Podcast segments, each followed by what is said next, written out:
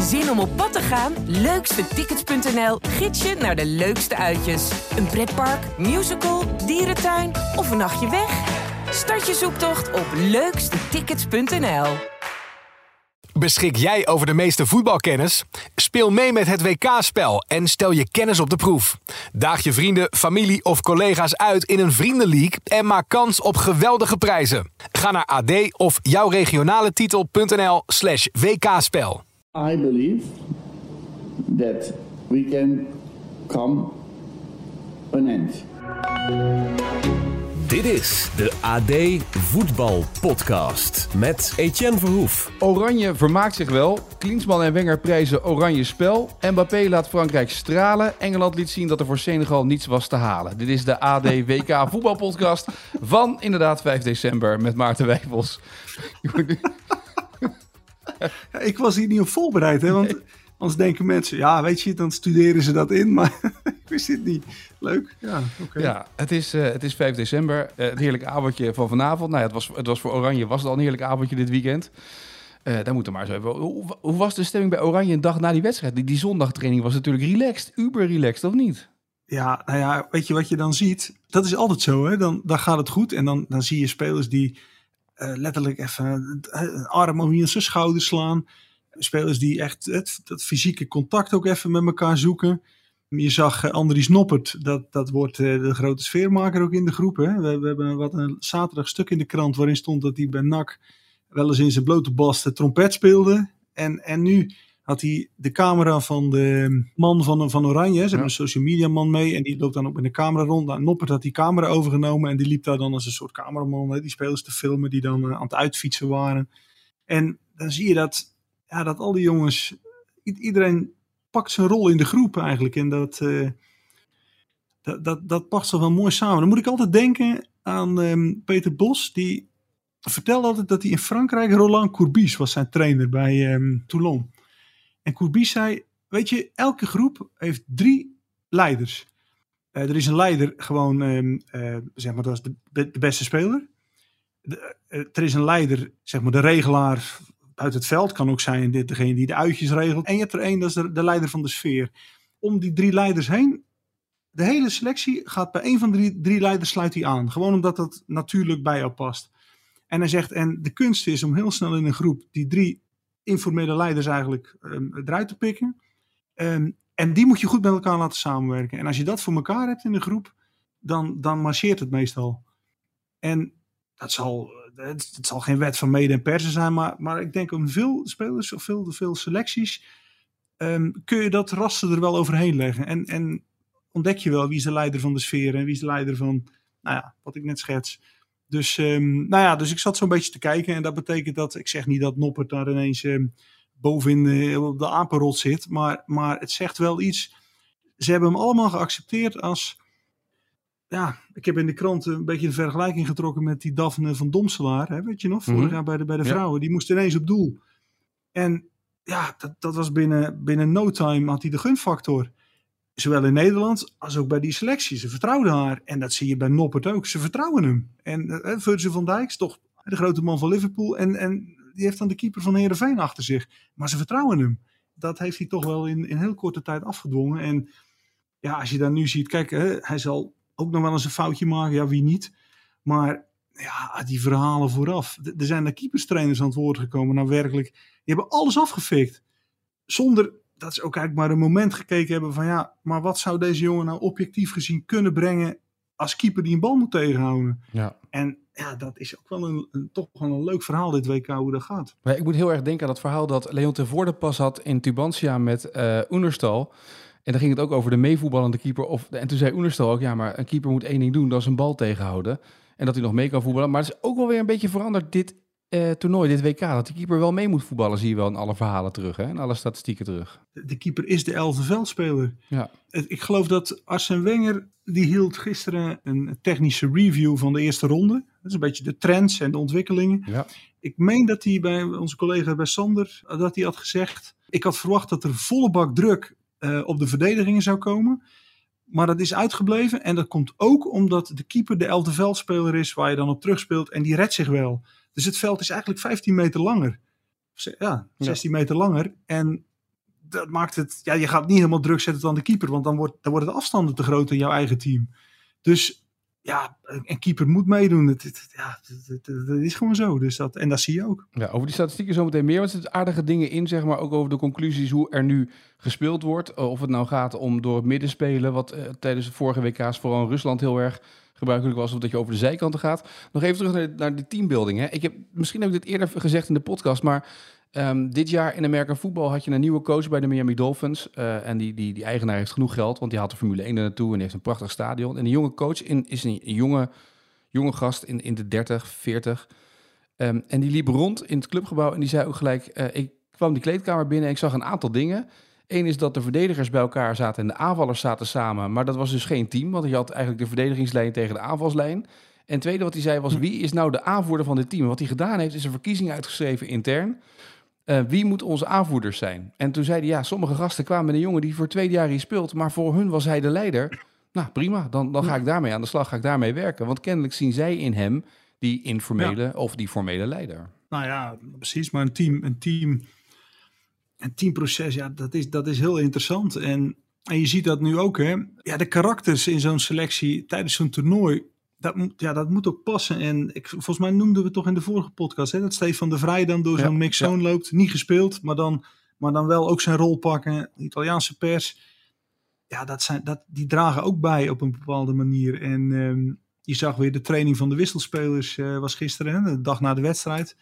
Ja, Steven Berghuis, hè, dat hebben we volgens mij ook al benoemd.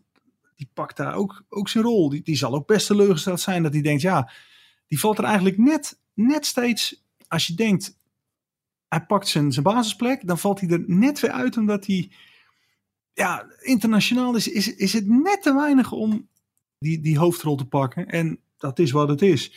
Maar die speelt dan toch ook wel een, wel een goede rol in die groep. En ja. um, ik krijg ook best veel vragen over Wout Weghorst. Hè, van, wat ziet Van Gaal nou in hem en waarom valt hij nou in?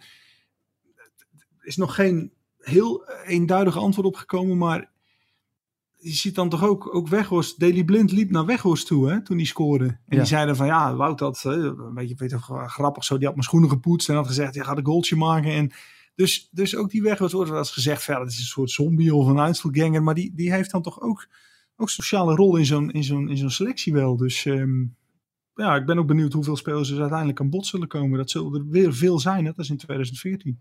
Ik ben heel benieuwd naar de reconstructie van dit WK. Want uh, we hebben dat WK van 2014 is natuurlijk gereconstrueerd in een boek. En er zijn veel verhalen over gekomen, ook later. Hoe Van Gaal, hoe duidelijk is die geweest. Maar hij moet toch tegen, nou ja, bijvoorbeeld Berghuis hebben gezegd. Luister, je gaat spelen op het middenveld, ik ga het proberen. Maar als die gaat op dit WK, te veel creatieve middenvelders, dan gaan we een stapje terug doen. En dan ga je die basisplek verliezen.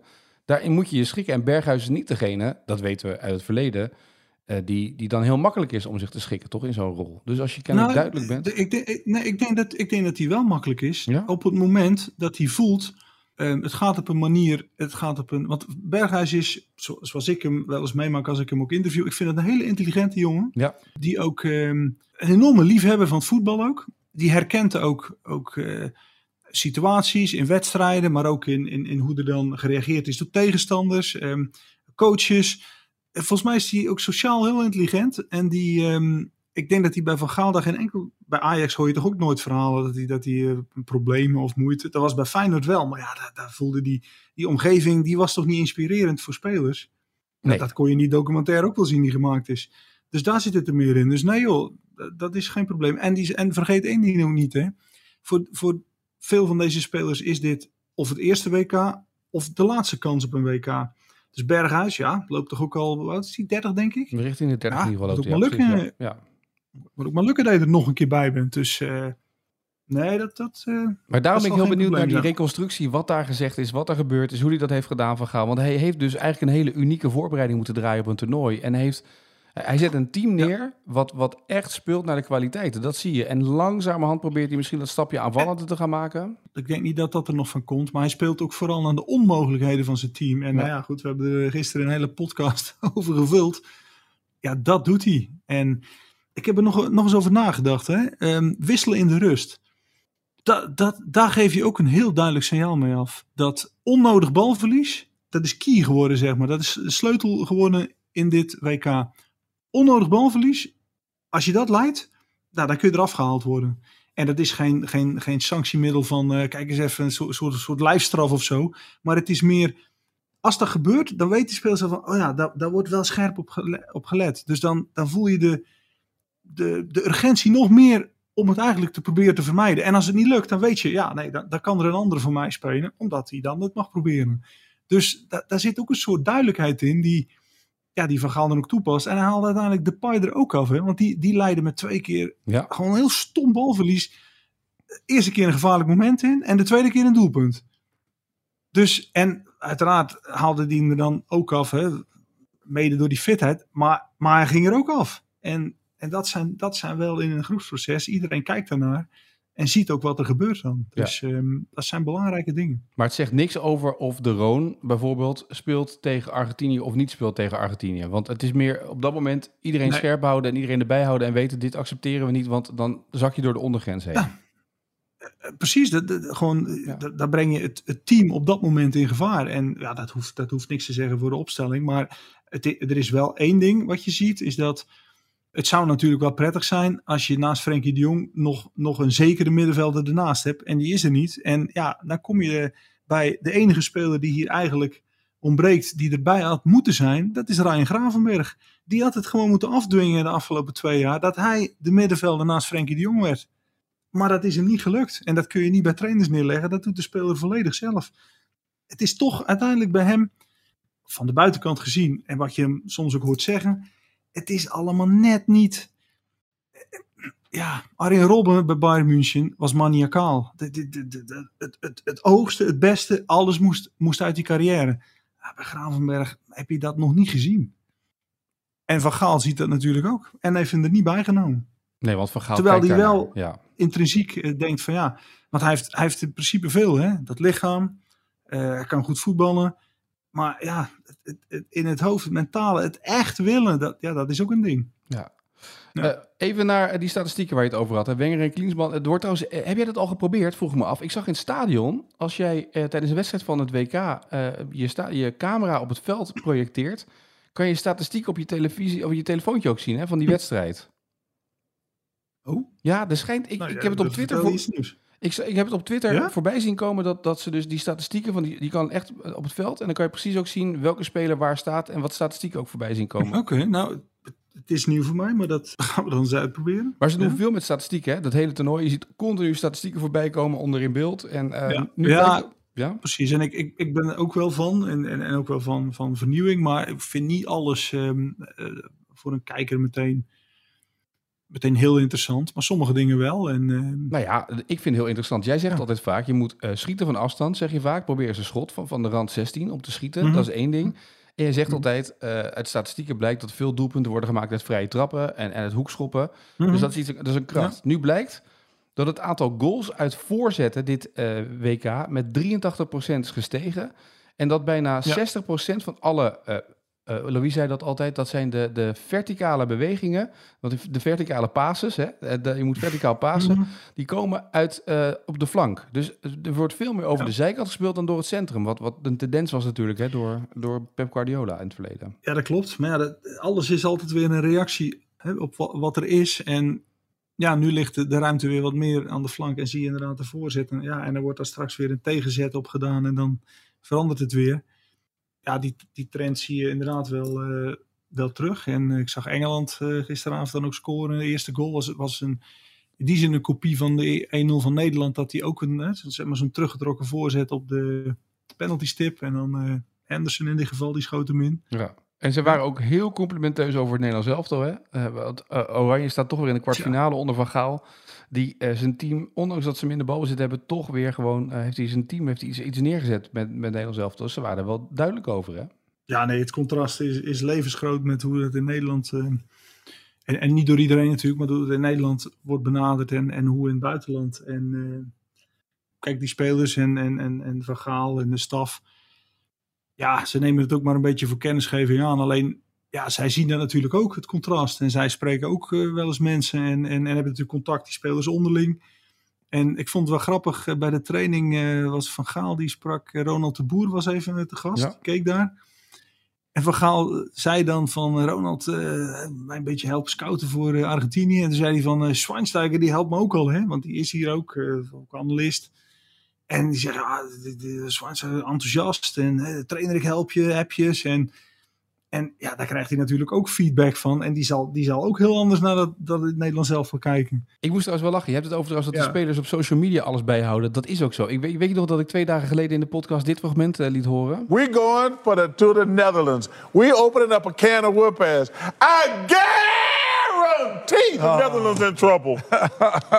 Oh, I, oh, man. I want Spain. I want Brazil. I want Germany. I want France. Oh, they got that boy Mbappe over there in France. He ain't no, no joke. But we gonna beat the Netherlands. Ja, dit was Charles Barkley, een van de bekendste basketballers uit de jaren 90 in Amerika. Die uh, ook even een mening ging geven over voetbal. Nou, daar zat hij dus mooi naast. Maar Memphis had het ook gezien. Memphis had die foto ook even getwitterd nog. En die had op zijn eigen social media die foto gedeeld. En gewoon even gezegd hè, dat het even hoe het in elkaar zat. Maar wat hij wel goed gezien had, was dat Mbappé vrij aardig kan voetballen. Kunnen we zeggen dat de eerste ster, dat hij echt is opgestaan nu op dit toernooi? Ja, ja, ja, ja. Dit is de ster. En, en, en ja, absoluut. En ook de, het gemak waarmee hij, hij voetbalt. Hij, danst als het ware over het veld. Als je dat ziet. Ja, dat is echt indrukwekkend. En ja, ik, ik denk dan toch Frankrijk.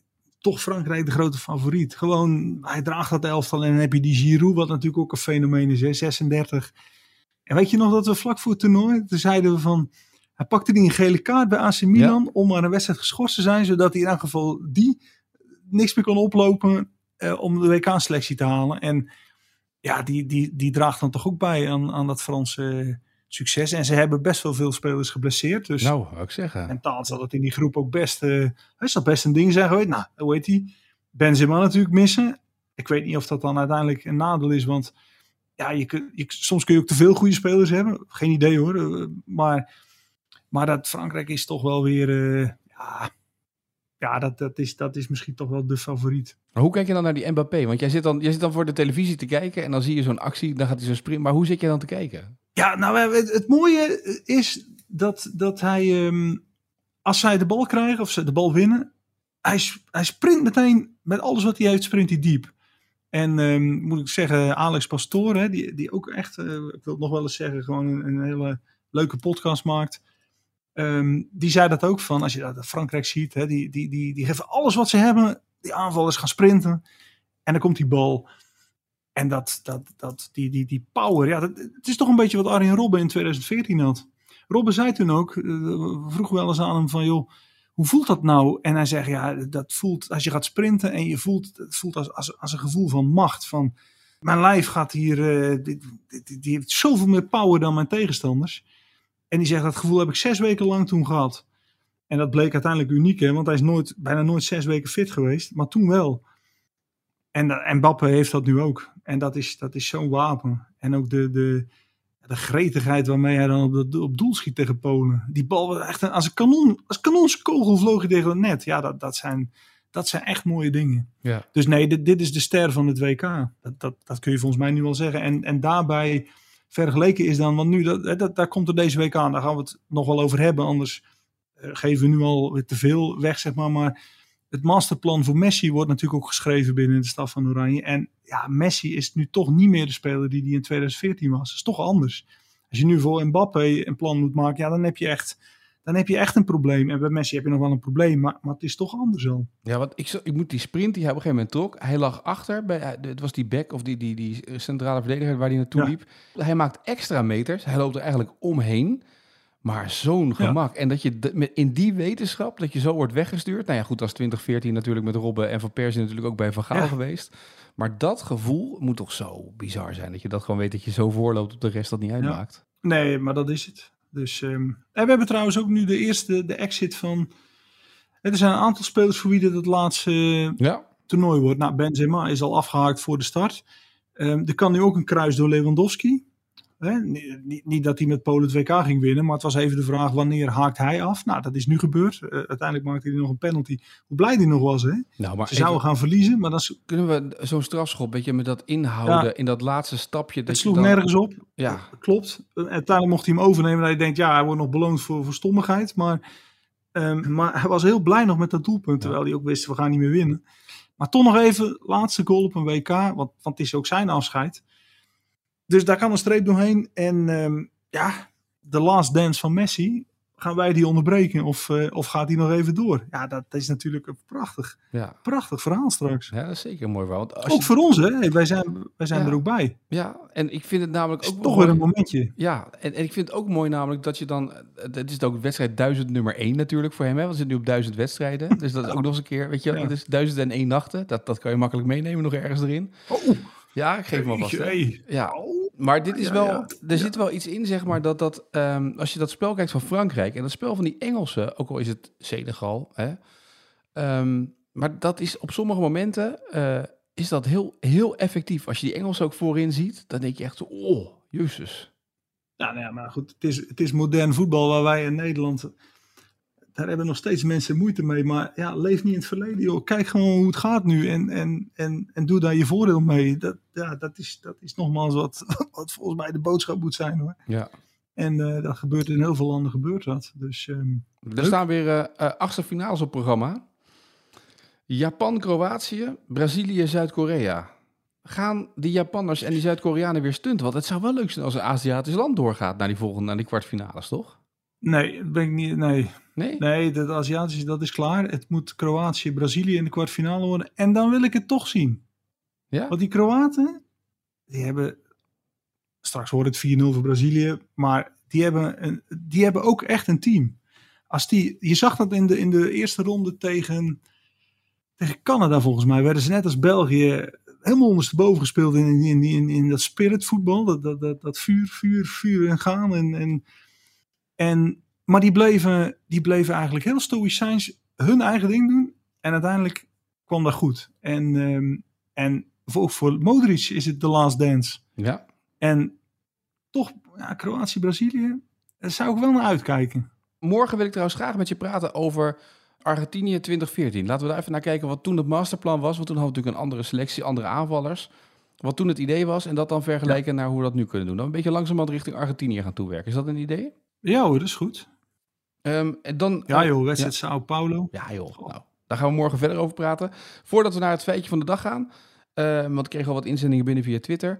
Eh, ik zag dat um, ik was te gast bij Ziggo Sport, bij het voetbalcafé. En die kondigde daar aan dat we vanaf januari, Nou. net als op het WK, geen eh scheidsrechters voor de camera gaan krijgen. Eindelijk. Eindelijk gaan ze met deze onzin stoppen van scheidsrechters voor een camera halen. Want dat is ook weer zo, zo typisch Nederlands. Ja, daar moet alles maar gezegd kunnen worden en iedereen moet alles maar vragen. En, en uiteindelijk leidt het, ehm, het leidt alleen maar tot, of tot irritatie of tot gevalletjes van, ja, maar hij komt wel en hij komt niet. Ik vind dat je prima als de scheidsrechter niks zegt. Ik- vind ook eigenlijk in het veld. Het wa- er was een, eh, een, een, een, een, een ja, ik zeg maar even een, een mevrouw op Twitter. Die vond ik wel grappig. Die zei van wat ik niet aan voetbal begrijp, noemde ze drie dingen. Ja. Eerst is van dat ehm, zeg maar ehm, dat degene die op wie de overtreding wordt gemaakt, dat hij niet verplicht de penalty moet nemen. Volgens mij, maar corrigeer me als ik het fout zeg. Hè, bijvoorbeeld in basketbal, speler op wie de persoonlijke fout wordt gemaakt, die moet dan toch Ja, die moet altijd de vrije Eh, worpen de- nemen. de- ja, de- ja. ja, bij korfbal volgens mij ook. Ja, oké, daar kun je tegen inbrengen. Ja, stel dat iemand dan geblesseerd is en hij kan de penalty nemen, niet nemen, wat dan? Maar, maar in de kern vind ik dat zou ik daar niet gek vinden. Overtreding wordt gemaakt op eh, de training vandaag bij Oranje zag je. Overtreding werd gemaakt op Savi Simons. Hij moest de penalty nemen. Hij schoot hem over. ja. Maar eigenlijk, daar gebeurde het. Ja. De tweede wat zij zei was, eh, wa- waarom stopt, eh, staat de klok niet stil bij, eh, bij, als, als het spel stil ligt? Nou ja, dat hebben we natuurlijk vaker, hè? Eh, zuivere speeltijd. En de derde, mag er zoveel gepraat worden tegen de scheidsrechter in het veld? Waarom is de regel gewoon niet van, ja, tegen de scheidsrechter houd je mond? Nou ja, ik, ik- eigenlijk ben ik daar helemaal mee eens. Want eh, het, het is verwoorden tot, hoe kunnen we zoveel mogelijk de scheidsrechter proberen te beïnvloeden, zodat hij de volgende beslissing in ons voordeel neemt? Ja, dus gewoon niks. En, en dat betekent ook dat de scheidsrechter, ehm, dat is een onpartijdige ehm, factor in het veld. Dus die hoeft na afloop helemaal niet eh, zich te verantwoorden. Nee, niet doen. Nee. Prima, ik, ik ben daar helemaal voor. En dus ook dan niet tegen de vierde man praten trouwens als trainers. Want er zijn heel veel trainers die daar heel erg mee bezig zijn eh, in de eredivisie. Die de, Dus ja, dit, dit, dit- is beter. Oké. Nou, dan gaan we. Het historisch feitje. Ja, natuurlijk een prachtige vraag gisteren. Hè? Herhaal hem nog eventjes, want ik heb hem niet losgeknipt. Nou ja, er is een, een speler in de geschiedenis van voetbal die heeft op vier WK's wedstrijden gespeeld. Maar niet één wedstrijd in een WK-kwalificatie. Ja, ik heb... Dus ja, dat, dat is, ik vond het zo'n mooie eh, vraag die, die ik ooit een keer hoorde. En nou ja, bij deze is die eh, erin, ge- erin gego- Ja. gegooid. Hulde voor Wim Ormel, onder andere. Een van de mensen die ook via Twitter had gereageerd met de hashtag AD Voetbalpodcast naar ons toe. 82 na kwalificatie geselecteerd. 86 geen kwalificatie als titelverdediger. 1990 geen kwalificatie als host. En in 1998 last minute geselecteerd. Het ging om Bergomi. Ja, Giuseppe Bergami van Ja. Italië. Ja. Dat is mooi. Ik heb ook een leuke voor je. Maar dit is echt wel een, ehm, een verhaal. Een, een, een, eh, dus ik ga je even meenemen. Verhaal zelfs. Ja. Ik ga je meenemen naar het jaar 1938. Ehm, toen eh, de Italiaanse voetballer Giuseppe Meazza eh, op het WK speelde. En tijdens een strafschoppenserie kreeg hij de kans om tegen Argentinië te scoren uit een strafschop. Alleen er ging daar iets mis bij die strafschop. Wat gebeurde er bij die strafschop in 1938 van, van Giuseppe Meazza? Wat eh, tot heel veel hilariteit heeft geleid en wat in ieder geval een historisch WK-feitje is. Je mag nu erover nadenken. Vlak, ja, vlak voor het WK eh, heeft 442, het Engelse blad, die hebben een, een eh, special uitgebracht waarin alle WK's nog eens belicht werden. En ik denk dat het daarin staat. Dus ik ga dat straks eens opzoeken. Ja, dat is Want dan eh, weet ik niet uit mijn hoofd. Jaar 1938. De keeper lag dubbel van het lachen toen die strafschop genomen moest worden ook. Dus het was echt een bijzonder verhaal. Maar morgen het antwoord op deze eh, vraag. Ja? Mocht je het weten, mocht je het wel weten, mocht je het feitje al kennen. Hashtag AD Voetbalpodcast voor morgen. De strafschop van Giuseppe Meazza 1938 voor Italië tegen eh, Brazilië. Maar dat, dat kunnen wij. Maar kunnen we Kees Rijvers niet inbellen? Want die Ja, was nee. toen al geboren. Dik advocaat kunnen we inbellen, denk ik ook. Dick Advocaat, die, Ja. die, die, heeft dat, die heeft dat denk ik nog live gezien. Don Leo, denk ik. Nou goed. Eh, Don Leo, ja. Ja, nou precies, die categorie. morgen zijn we er weer met een nieuwe podcast. Eh, oranje vrij hè, vandaag. Ja, ze hebben vrijdag. Ze gaan, ja, ze, ze gaan wel wat doen, geloof ik, maar dat even geen voetbal. Dus, Maar wat eh, gaan jullie dan doen? Ja, ja eh, wij, wij moeten gewoon tikken. Hè? Hup, Ja. Gaat gewoon door. Oké. Ja, Nou, ja. tik ze dan vandaag Ja. in die snikhitten. En ik, En eh, eh, podcasten natuurlijk. ik spreek je morgen weer Ja. voor een gloednieuwe podcast. Sluit je ook nog af met een Nee. leuk, leuk, wat dichter? Jawel. Nee, ik heb daar geen einde. Eh, doe, en doe, oh, wacht even. eh, Jan Verhoef, ja? onze, onze grote boef. Ehm, nou, Ja. Lies Ja. zomaar het hele verhaaltje uit, zoiets. Ja? met zijn lange snuit. Ja. Nou, succes. Tot morgen. Yo. Op zoek naar een auto? Op gaspedaal.nl zoek en vergelijk je op meer dan 40 autosites tegelijk. Je zoekt op de grote autoportalen en bij de autodealer om de hoek. Je hebt het grootste aanbod en maakt daarom de beste vergelijking. En zo mis je nooit meer een auto. Zoek en vergelijk op gaspedaal.nl.